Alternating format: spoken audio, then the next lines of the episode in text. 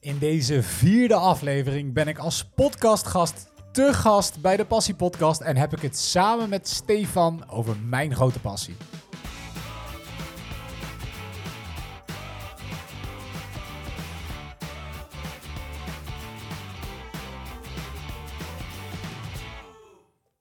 De Passie Podcast is onderdeel van mijn favoriete fabriek in Nederland, de Podcastfabriek. En in deze podcast interviewt Stefan Kollaert zijn gasten over hun zakelijke passie.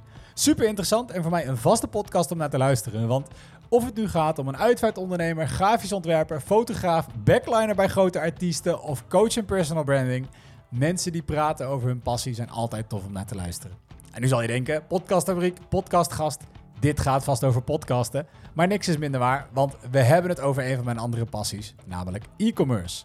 Als ondernemer ben ik al een jaar of drie bezig met verkoop op internet via allerlei webshops, print-on-demand en marketplaces. En in het stuk van de aflevering dat ik voor jou heb uitgekozen, heb ik het samen met Stefan over mijn beginnende e-commerce, over hoe wij in Europa de concurrentie aan kunnen gaan met verkopers uit Azië en natuurlijk hebben we het even over dropshipping. En dan nu een kleine disclaimer voor we gaan beginnen. Ik heb op zichzelf niks tegen dropshippers. Er zijn tal van bedrijven die gewoon goede service en producten bieden, waarbij dropshipping onderdeel is van hun bedrijfsmodel. En daar is niks mis mee. Waar ik het over heb, zijn de importeers zonder iets te doen, geen garantie biedende, niet op klantvragen reagerende, voor drie keer te veel verkopende cowboys die... Nou ja, weet je, luister maar gewoon. En, en was dat, was dat een, een soort van wondere wereld toen je daarmee begon? Of had je wel vrij snel door, nou eigenlijk is dit helemaal niet zo heel ingewikkeld? Ja, eigenlijk is het helemaal niet zo heel ingewikkeld. Waarom maken mensen het dan zo ingewikkeld? Ja, dat weet ik niet. Ik denk dat mensen dat bij heel veel dingen doen. Ik, de basis is best wel simpel. Maar Mhm. ik denk dat het ook vooral een soort van... Je, achteraf is het makkelijk. Ja, En als je erin begint, is het een hele grote wereld. Mhm. En je moet een hele hoop puntjes met elkaar verbinden. Maar zodra je dat eenmaal een paar keer hebt gedaan, is het concept steeds hetzelfde. Kijk, het maakt niet uit of jij eh, wc-papier verkoopt... of kleurpotloden of bureaustoelen. Mhm. In feite is het idee is natuurlijk steeds hetzelfde. Het, het- Ja. het hele logistieke proces is bij het ene product wat ingewikkelder dan bij het andere. ja. Maar jij moet iets op een zo leuk mogelijke manier online aanbieden. En als Mhm. iemand op koop klikt, moet het zo snel mogelijk bij die persoon thuis liggen. Dus eigenlijk is het een heel simpel rekensommetje. Ja, ik vind van wel. Maar het maakt het ook moeilijk om onderscheidend te zijn. Want stel jij gaat bedenken, ik ga wc-papier verkopen. Wat een heel slecht voorbeeld is trouwens, maar je noemde hem zelf. Ja, ja, ja. ja. Ehm, dan, dan eh, nou ja, goed, nee, heel, dat laten we die kant niet op gaan. Maar stel je gaat bureaustoelen verkopen. Ja. Je concurrentie is al best wel groot. Daar zitten ook veel grote namen tussen die al heel lang bezig zijn met hun online presence. Ja. En daar kom jij dan als, als nieuwkomer in. Ook iemand die misschien niet per se affiniteit heeft met die branche. Hoe zorg je er dan toch voor dat je webshop goed gaat lopen? ja, dat is. En ik denk dat daar zit een beetje de truc, zeg maar. Het is, de, de regels van het spelletje zijn simpel. Ja. Maar het spelletje succesvol spelen en winnen, dat maakt het zo ontzettend lastig. Mhm. En, en je ziet het, e-commerce is ontzettend eh, eh, booming. Sowieso natuurlijk sinds, sinds corona. Iedereen zit thuis en bestelt alles. Ja. Dat gaat helemaal de lucht in. Ehm, en dan heb je helemaal ehm, eh, in Nederland bol.com. Daar zijn de, de afgelopen nou ja, anderhalf, twee jaar, ook dat ik ermee begon, ontzettend veel mensen bijgekomen. Ja.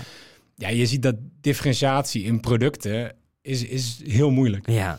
Je kan ieder standaard product, een bureaustoel, iedereen koopt dezelfde dingen in op dezelfde plekken in Azië en verkoopt het hier voor soms bizarre bedragen, Ja. wat- wat de kwaliteit van je spullen absoluut niet zijn. Ja.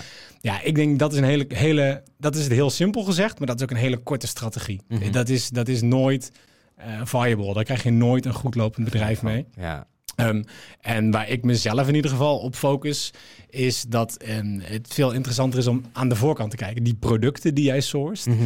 Weet je, Net wat je zei, normaal gesproken was het zo, je had een interessant product en dat wil je op internet gaan verkopen. Ik denk dat die strategie veel beter werkt. Ja. Zoek echt een interessant product. eh, bij, voor, bij voorkeur iets wat jij als enige kan of mag verkopen vanwege licenties. Mhm. En ga het dan doen. Ja, en kijk niet naar iets wat, eh, wat heel veel mensen... Telefoonhoesjes. Telefoonhoesjes of van die, van die eh, hoe heet het nou, van die eh, wierook Ja, dingen ja, die zo omgekeerd naar beneden, zo van die beneden flow cones, ja, whatever. ja. Dat, dat Al is die shit. nekmassageapparaat, maakt allemaal niet uit. Ja, Ik ga er toch even een klein beetje blijven hangen voordat we Oké. diepere shit ingaan. Ehm, dropshipping heeft een heel naar nasmaakje gekregen. Ja. Terwijl het in het eh, drie, vier jaar geleden was het in, in alle online communities werd het heftig besproken en waren mensen er heel enthousiast over. Ja. Ehm, en nu hebben we goeroes die op YouTube adverteren van eh, neem bij mij een cursus van 2000 euro af en ik ga jou leren dropshippen. Wat is, jouw, wat is jouw visie daarop?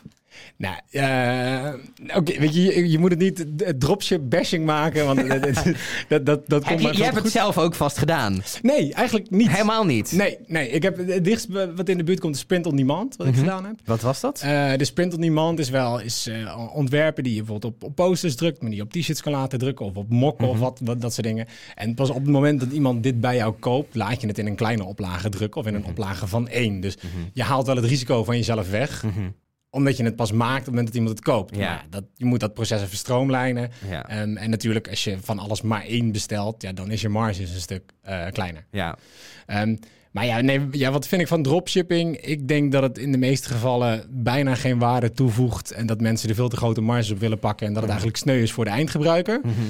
Maar het is wel super interessant, omdat het een manier is die heel veel mensen aan het ondernemen krijgt. Het is een mooie instroom. Ja, Ja. en het is een risico, redelijk risicoloze instroom. Ja. Wees alleen niet ja, die lul die eh, spullen verkoopt voor 50 keer de inkoopprijs die mensen na anderhalve maand ooit een keer thuis vangen, vervangen in een plastic zakje. weet je Ja, ja. Is dat het grootste probleem nog steeds? Want kijk, je, je ziet natuurlijk in de e-commerce, eh, je ziet twee stromen. Aan de andere kant ontzettend goede, eh, goedkope producten.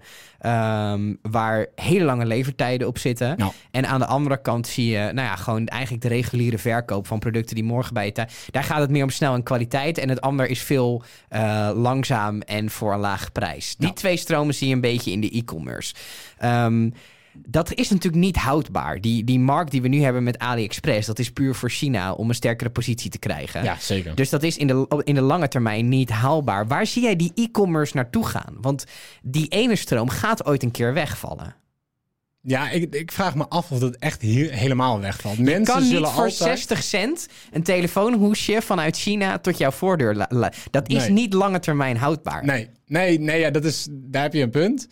Ehm, maar ik weet, ja, de, de vraag is wat China daarmee doet. Die zijn Mhm. het belangrijkste. Kijk, wat ik denk dat sowieso niet houdbaar is om dit voor mensen in Europa te doen. Mhm. Ehm, je ziet het bijvoorbeeld al op Amazon.